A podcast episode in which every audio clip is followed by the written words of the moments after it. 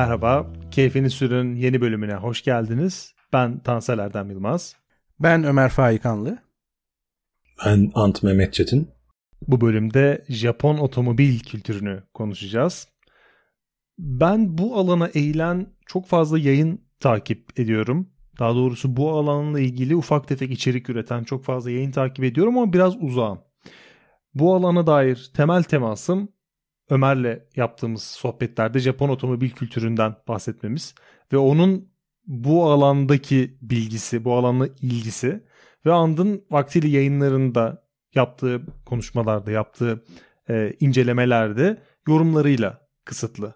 Ve birikmiş çok fazla soru var. Birazını araştırdım. Tam da cahil gelmedim. Lafı hiç uzatmadan bu otomobil kültürünün altlığı da olması açısından Japon otomobillerine dair en büyük ve en gerçekçi klişeyle başlayalım istiyorum. Mekanik açıdan sağlamlık, diğer bir deyişle al bunu bakımlarını yaptır 500 bin kilometre sorunsuz kullan çağrısı.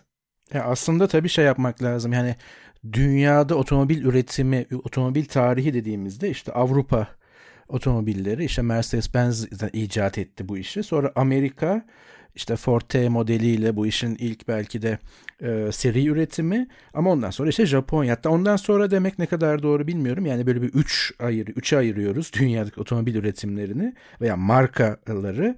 E, şimdi tabii Japonya merkezli olmak üzere artık uzak doğu otomobillerinden de bahsediyoruz. Yani Güney Kore de bu işe o anlamda dahil oldu ama Japonya 1911'den beri oyunun içerisinde ve Mitsubishi ile ama Mitsubishi'nin e, aslında ilk seri üretim otomobili de 1917 yılında ve ilginç bir şekilde Model A olarak geçiyor ismi. Hani e, Ford'a bir nazire gibi neredeyse veya onu önceleyecek şekilde neredeyse. Ama bu yani çok ciddi bir tarih. Türkiye'deki o ünlü efsane yani Türkiye'de ya Alman otomobili ya da Japon otomobili kullanacaksın dayanıklılık anlamında. Almanların hepsi değil ama Japonların hemen hepsi bu kategoriye giriyor. Çünkü belki de işte geçtiğimiz yüzyılın yani 20. yüzyılın başından beri üretilen bu otomobillerde baştan beri düşük maliyet, yakıt verimliliği ve güvenilirlik ön planda. Yani bu bir tür işte Japon felsefesi bile, bile diyebiliriz veya da uzak doğu felsefesi diyebiliriz bu anlamda. Kelimeyi böyle kullanmak doğruysa. Ama ne zaman gerçek anlamıyla Japon otomobillerinden bahsediyoruz dersek aslında çok ironik bir şekilde 2. Dünya Savaşı sonrası. Yani 2. Dünya Savaşı'nda yenilmiş bir Japonya ve nükleer silah üzerinde kullanılmış bir Japonya'nın 1950 ve 60'larda başlayan otomobil üretimi ve esas burada belki de o felsefeyi realize etmeleri yani düşük maliyet tamamen Japonya'nın kendi içinde bulunduğu durumdan dolayı yakıt verimliliği ve güvenilirlik aslında güvenilirlik derken tam da Erdem senin dediğin gibi yani dayanıklılık hatta burada bir şey daha ekliyorlar uzun vadeli dayanıklılık. Yani daha üretime başlarken tüm bir argeyi her şeyi düşünelim. Zaten Japon mühendisliği dünya çapında bir efsane her anlamıyla. Uzun vade dayanıklılığı hedef alarak e, güvenilirliği esas alan ve işte bizim dilimize problemsizlik olarak tercüme edilen bu şey ortaya çıkıyor. Ee, ama böyle baktığımızda aslında Ant o dengeyi bize çok iyi anlatacak eminim ki. Yani çok sıkıcı bir şey gibi geliyor. Çünkü Japon otomobillerinin bir kısmı hakikaten çok sıkıcı. Ama bir o kadar da eğlenceliler.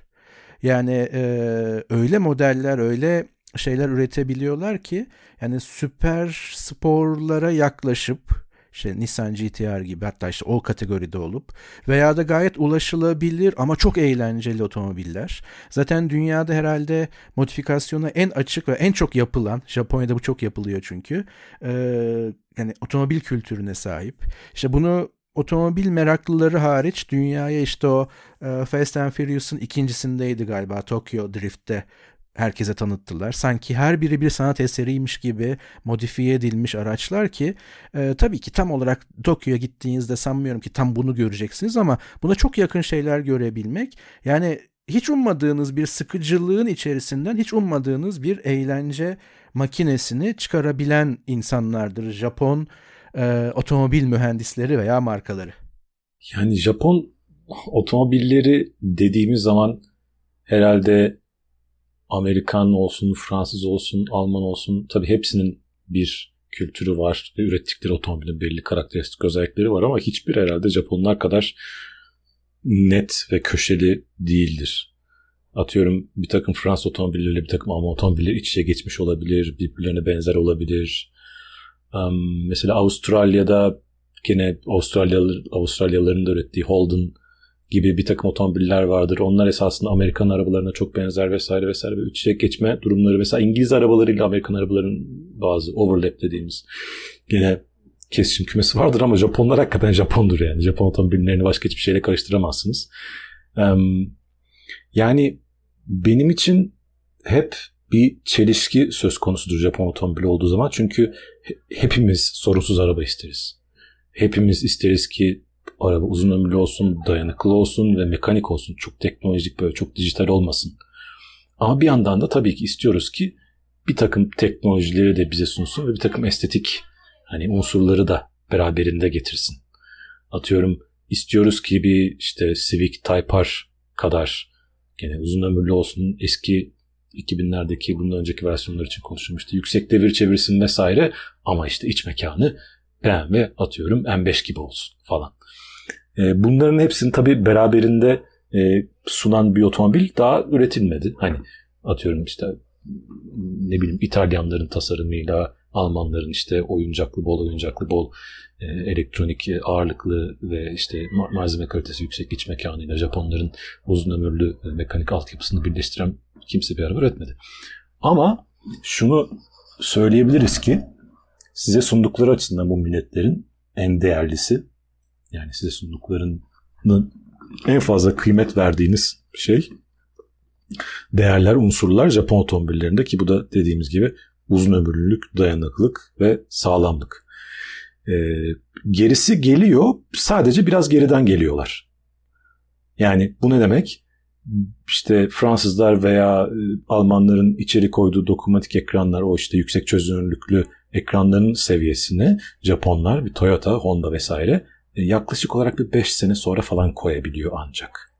Aynı sürede ürettikleri zaman Japonlar da düğmeye bastığınız zaman işte 3 saniye geçiyor sonraki ekrana geçmesi için ve çözünürlük e, e, yoğunluğu işte yarısı falan oluyor diğer markaların.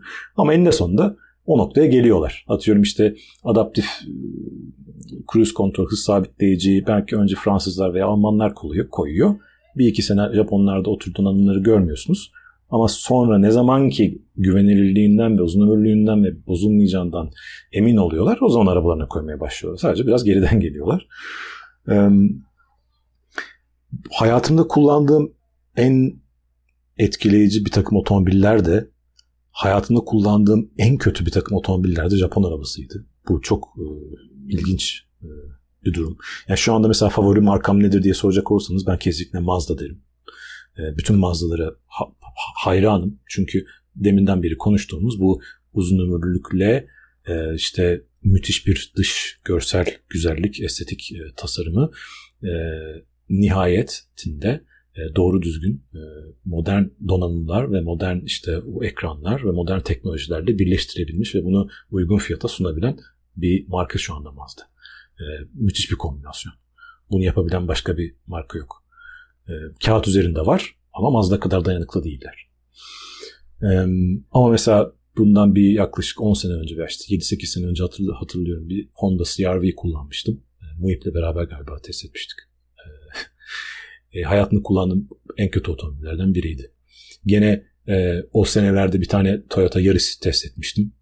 Gene galiba üçümüz beraber videosunu çekmiştik. Gene bu kadar kötü bir otomobil kullandığımı hatırlamıyorum. Yani e, orada şöyle bir şey söz konusu.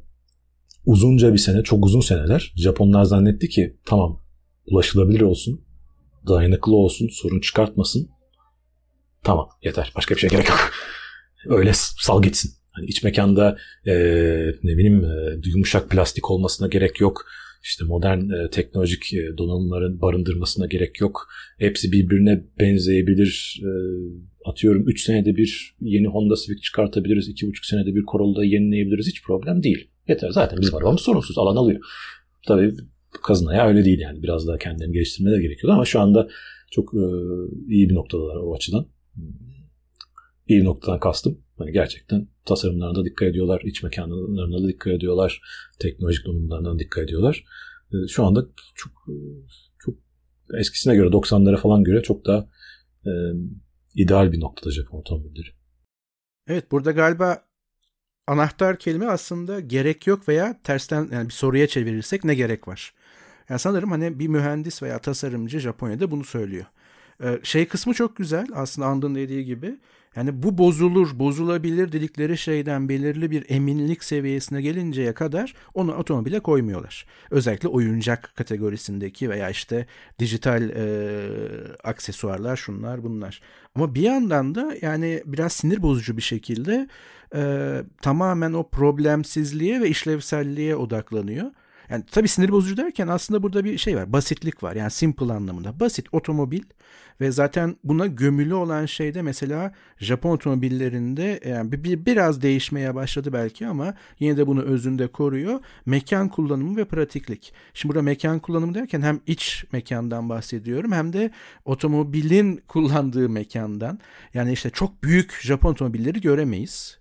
Çünkü hakikaten şehir otomobilleri olarak tasarlanır. Yani SUV işte Toyota'nın o büyüklere doğru gitmiyorsak. E, yani Honda CRV bile hani SUV kategorisindedir ama tam böyle sınırdadır. E, ama diğer taraftan da iç mekanda müthiş bir pratiklik. Olması gerektiği kadar ne böyle her yer bir göz bir şeyler koyacağınız veya geniş geniş alanlar ama ne de böyle ya hiçbir şey hiçbir yere sığdıramıyorum diyeceğiniz. Yani müthiş bir denge. Aslında belki evet Japon otomobilleri için bu kelime güzel. Dengeli ama tabii siz ne bekliyorsunuz? Şimdi ben mesela biraz daha böyle oyuncak istiyorsam otomobilin içinde Japon otomobilleri için bunu çok çok beklemem gerekiyor. 5 yıl sonra onların e, bir 5 yıl gerisine düşecek şekilde Avrupa otomobillerinin bugünkü seviyeyi yakalıyor veya bugünkü alti devatı yakalıyor. Ama buna karşı satın aldığım şey ne? İşte o bu bozulur dediği hiçbir şey içine koymadığı için minimum sorun çıkarması. Ama belki de otomobil alırken Japon otomobili yani oradaki o çok eğlenceli otomobilleri dışarıda bırakmak kaydıyla e, şunu sormak gerekiyor. Yani ben o problemsizliğe ne kadar lık bir şey ayırıyorum. Geniş anlamıyla bütçe ayırıyorum. Yani sadece maddi olarak değil. Bazı keyiflerden de vazgeçiyorum. Bazı işte oyuncaklardan vazgeçiyorum. İşte daha köşeli şeyler alıyorum en geniş anlamıyla. Ama bunun karşısında satın aldığım şey o ünlü ve işte hepimizin şey yaptığı problemsizlik. Ama Andın dediği doğru. Zaten kim şunu yapar ki? Ya ben e, çok güzel bir otomobil alayım çok problemli olsun demiyor kimse. Aslında herkesin amacı o problemsizlik. Ama Japonlar bunu biraz becerebildiği ve somutta bunun karşılığını görebildiğimiz için hala özel bir yerde duruyorlar. Ama işte kır, yani kırarlarsa da yani bu dengeyi bozarlarsa o zaman da Japon otomobili olmaktan çıkmaya doğru gidebilir. Yani tabii ki zaten bunu düşünüyorlar. Hani bizim konuşmamız üzerinden bir şey değişmeyecektir ama ben ben aynı yerdeyim. Çok eğlenceli olmakla çok sıkıcı olmak arasında, problemsiz olmakla hiçbir şey olmamak arasında. Yani içerisinde istediğim hiçbir şey yok ama problemsiz demek arasında gidip gelen bir sürü model marka var. Ama burada herhalde benim için de özel olan mesela Honda. Biraz Type R'dan dolayı biraz işte e, onda böyle bir tasarım var NSX'te vesaire. Geçmiş modeli özellikle. Şimdiki hibriti de tabii çok iyi teknolojik ama o efsane olan çok çok tabii başka bir yere oturuyor. Ama Toyota'nın da şöyle bir gerçekliği var. Sanırım bu hala kırılmadı. Yani e, dünyada bir bakmak lazım ama en çok satan otomobil yani Toyota. Bu buna bakmak lazım. Çünkü demek ki dünya çapında otomobil kullanan, satın alanların çok çok çok büyük bir kısmı Toyota ile bir şekilde tanışmış ve en azından bir yerlerde bir Toyota almış. Ki bunun tarihsel otomobil tarihindeki önemli boyutu şu. Amerika'ya Toyota girdiği zaman öncelikle ve Amerika'da Japon otomobilleri satılmaya başladığı zaman Amerika'da çok ciddi bir kültürel kriz yarattı. Çünkü Amerika'da kendi otomobillerine e, fanatiklik derecesinde bağlı olan bir kültür aslında. Bir de o devasa Amerikan otomobilleri, kaslı otomobillerin yanına şeyi düşünelim böyle küçücük Japon otomobilleri girdi bir anda. Ve tabii ki o petrol krizi, oradaki işte ekonomik veya da işte politik durumlar vesaire ama orada bir makale okumuştum bununla ilgili. Biraz mesleki deformasyonumu kullanayım. Ee, Amerikalılara en büyük tokat aslında işte o Pearl Harbor falan değildi. Yani nükleer silah kullanarak teslim aldıkları Japonların otomobilleriyle Amerika'yı fethetmesiydi diyordu ana fikirde ki bu doğru. Yani bugün de işte artık Amerikan otomobilleriyle Japon otomobilleri rekabet etmiyor satış anlamında. Avrupa otomobilleriyle hala Japon otomobilleri rekabet ediyor. Bu da hala Amerika tarafından baktığımızda e, onların çok hoşuna gitmeyen bir şey tabii ki. Özellikle bu Honda buna belki dahil olabilir. Oradan geçtiğimiz için e, yaklaşabilirim.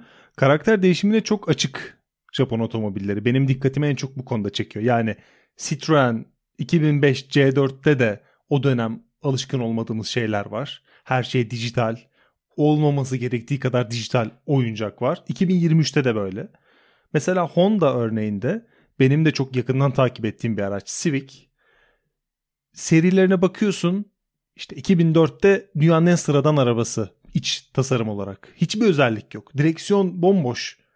2010 ona geliyorsun bomboş. 2015'e geliyorsun bomboş. Sonra e bu işte son FD8'e geldiğin anda bir anda böyle bir çuval alıp arabanın içine bir özellik boje ediyorlar. Bu kötü olduğu için değil ama mesela şeye bakıyordum e, az önce FD7'ye bakıyordum. Bu meşhur e, 2015'e kadar üretilen kasa.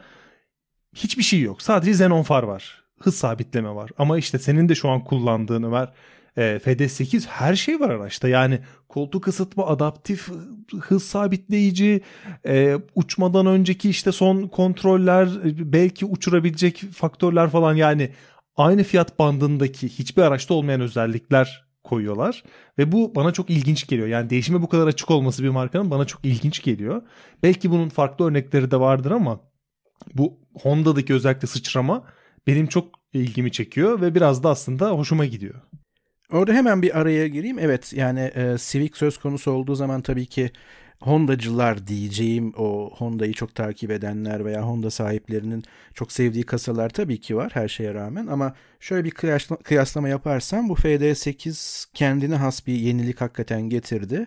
Şu an kullandığım otomobil de o ve o anlamda tasarımını ve o dediğin oyuncakları oyuncaklar derken de aslında yine o basitliği koruyor hemen söyleyeyim ama dediğin gibi neredeyse yarı otonom bir şey var bende.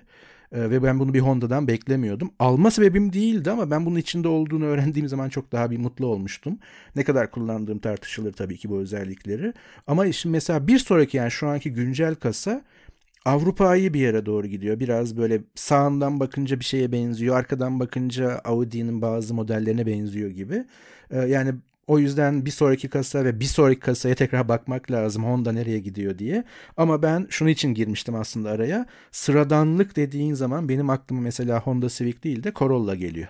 Çünkü ben Corolla'nın hangi kasasını nerede görürsem göreyim hani bu tabii ki kimse yanlış anlamasın ama bir memur arabası. ne yaparsan yap. Şimdi bu sıkıcı geliyor ama işte o memuriyetin gerektirdiği şey ne? O demin söylediğimiz durum işte. Hani çok yakmasın, problem yaratmasın, beklediğim şeyi bana versin ki beklediğim şeyler oldukça mütevazi. E bunu da veriyor. Ama mesela bu konuda ben şöyle bir hani markaları gözümün önüne getiriyorum. İşte Toyota, Honda, Nissan, Mazda, Subaru. Ya burada en çok satan evet Toyota ve Toyota'nın bence öne çıkan modelleri e, yani binek otomobiller yani bunlar değil, Corolla değil. Tabii ki en çok satan modeli o vesaire. Toyota biraz daha SUV'de veya da işte o ünlü tüm Orta Doğu'da üzerine uçak savar kurulan modeller neredeyse. Ama Honda dediğimizde mesela işte Type R geliyor, NSX geliyor, Nissan dediğimizde GTR geliyor, işte Mazda dediğimizde hemen hepsi geliyor ama MX-5 mesela hani eğlence bakımından. E, Subaru dediğimizde yani Impreza efsanesi var. Ama mesela o efsaneler başka bir yerde dururken Toyota sıradanlığıyla çok olumlu anlamda kullanıyorum. Basitliğiyle alıp götürüyor. O yüzden Japon otomobilleri dendiğinde dünyada e, bizler için veya işte otomobil tutkusu olanlar için Honda, Nissan, Mazda, Subaru belki öne çıkıyor veya Mitsubishi bazı modellerde.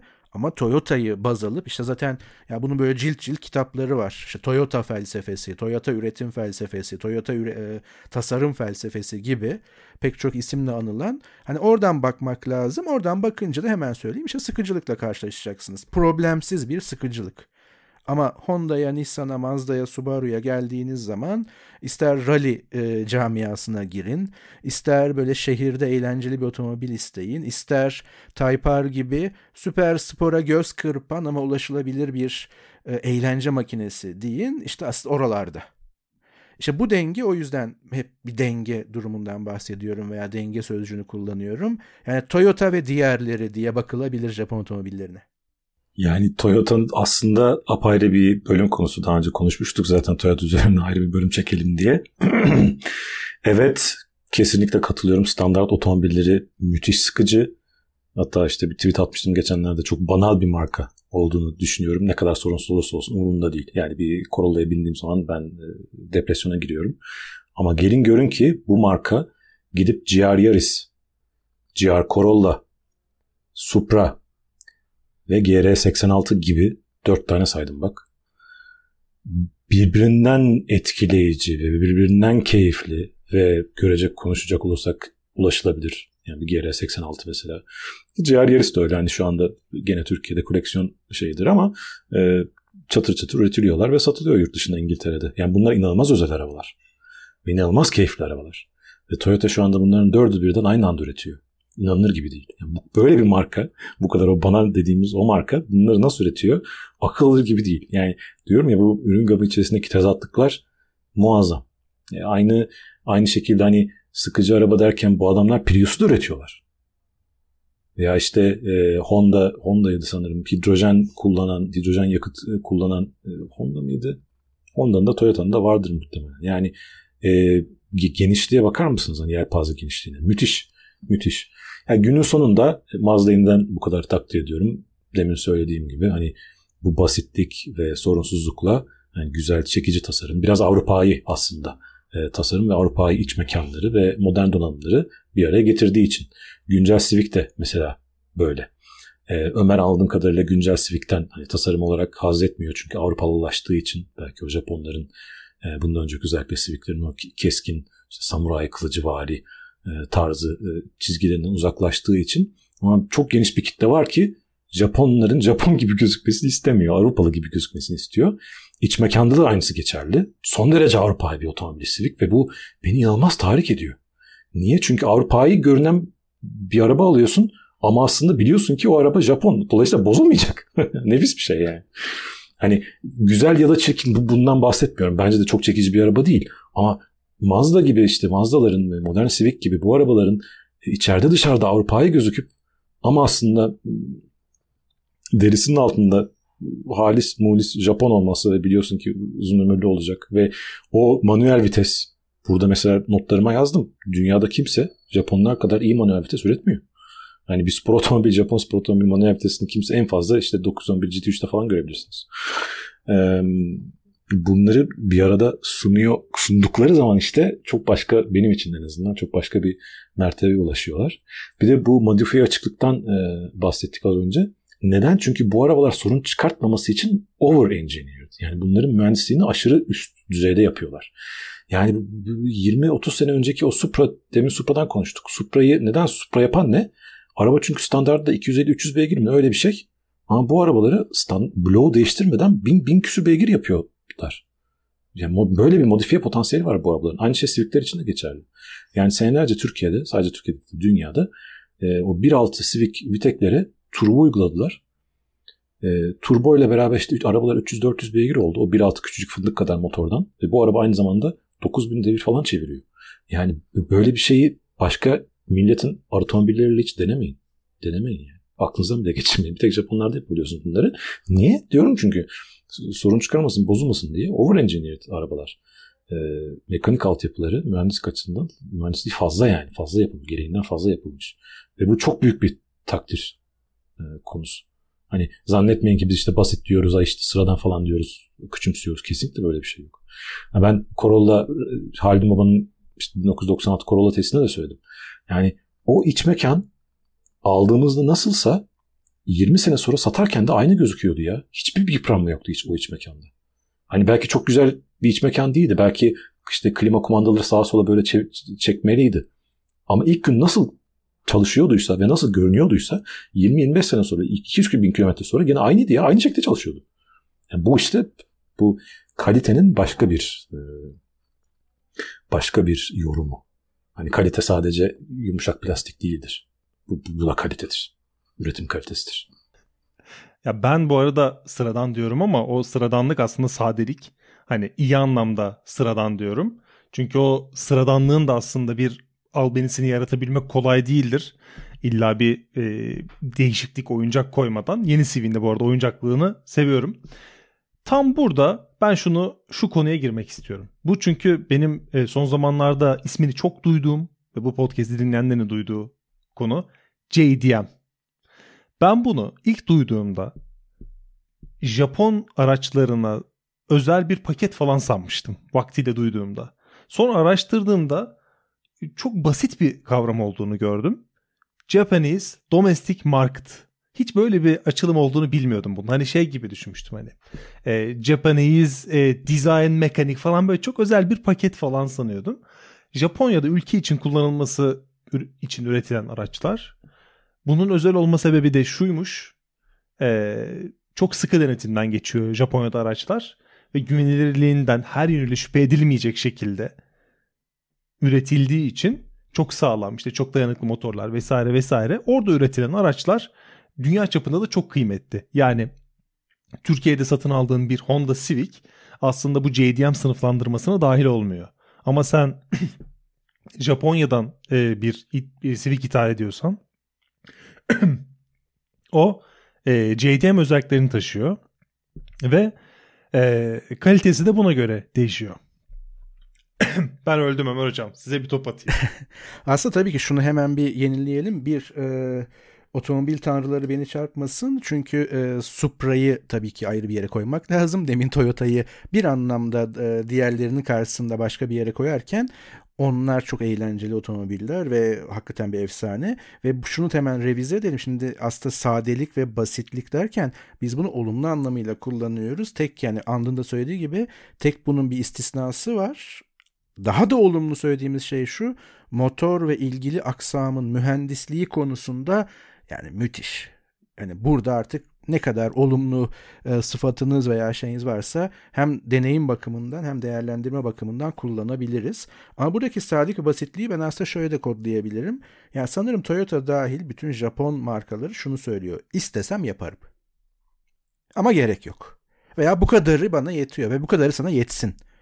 Yani bu modelleri üretiyorum. Çünkü mesela Corolla'da şu vardır. Benim de tanıdığım pek çok Corolla sahibi çok geçmişten o Corolla'yı başka bir Corolla ile değiştiriyor.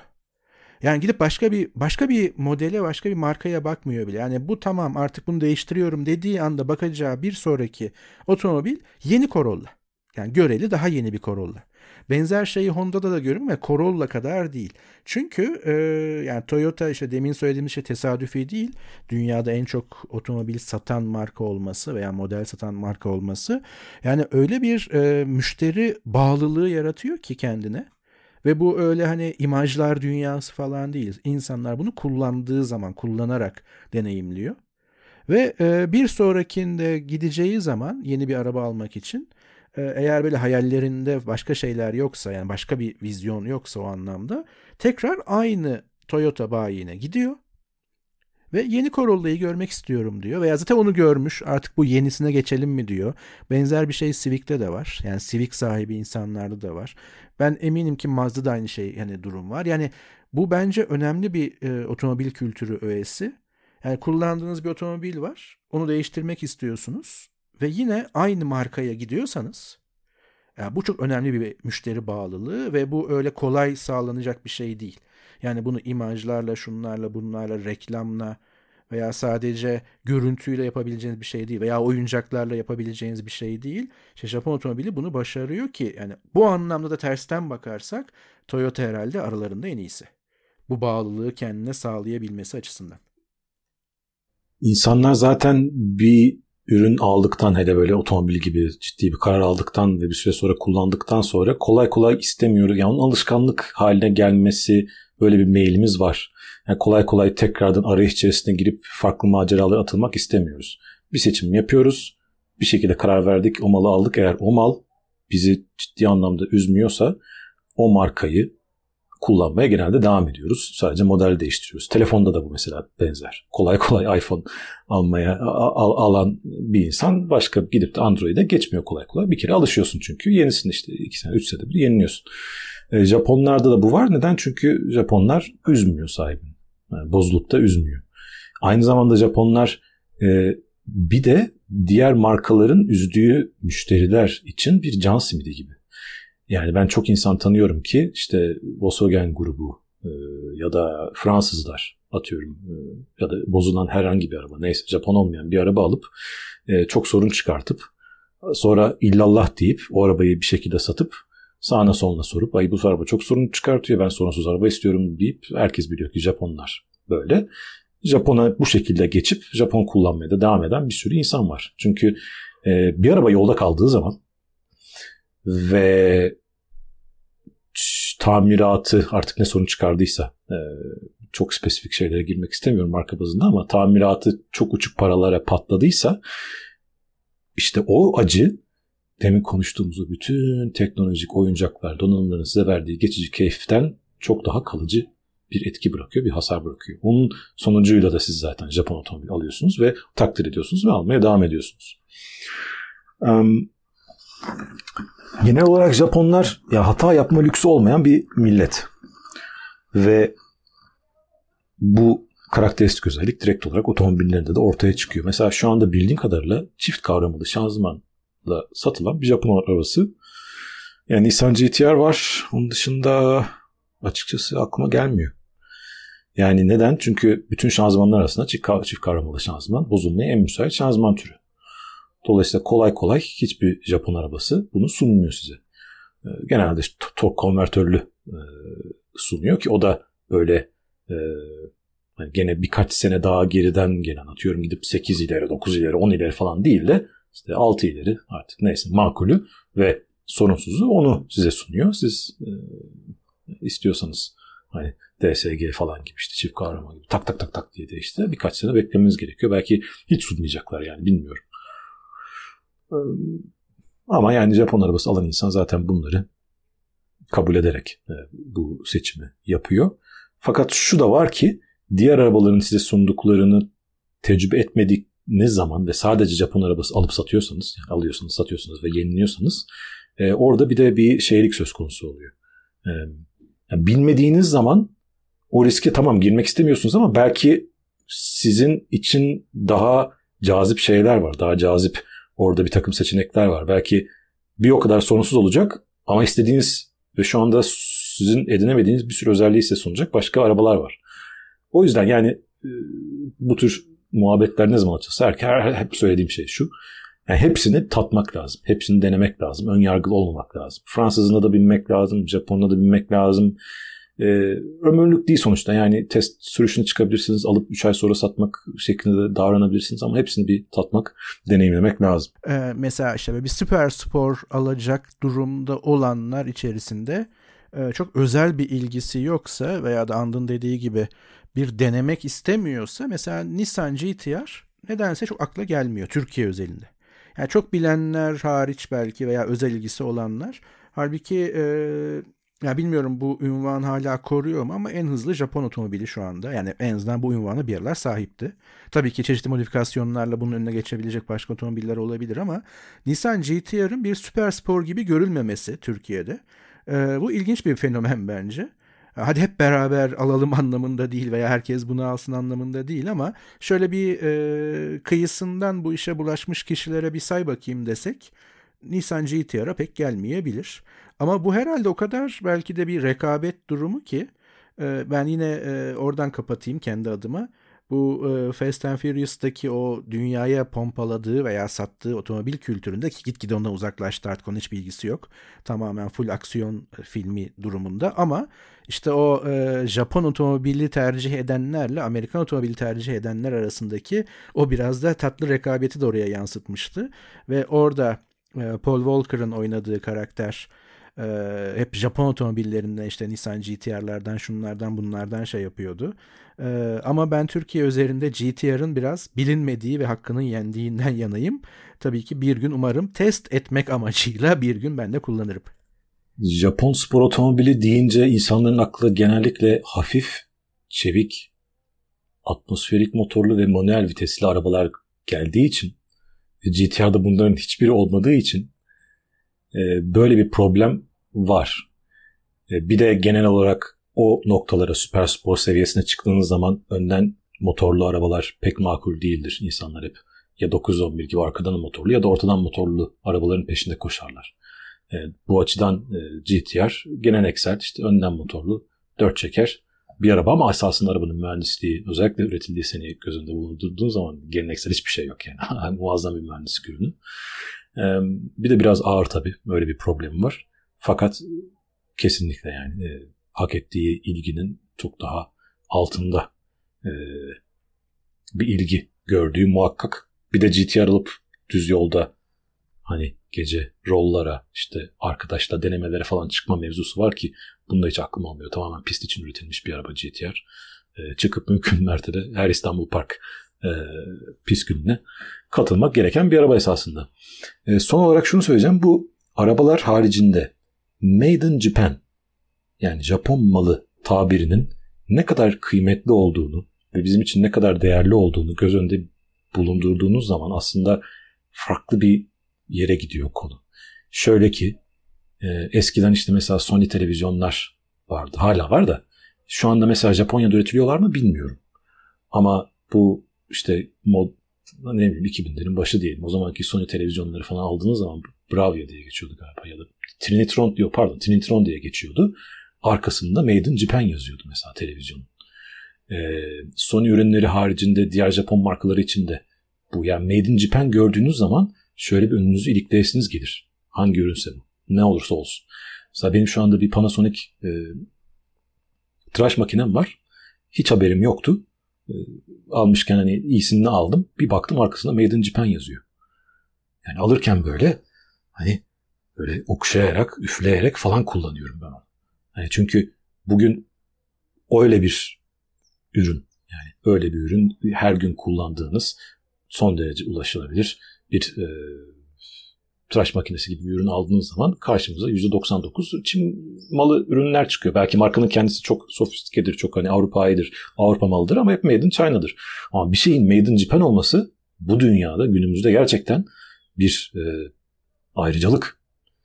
Ve aslında Japon arabası sana ayrıcalığı sunuyor. Japon arabası yani. Ha, tabii Japonya'da demin e,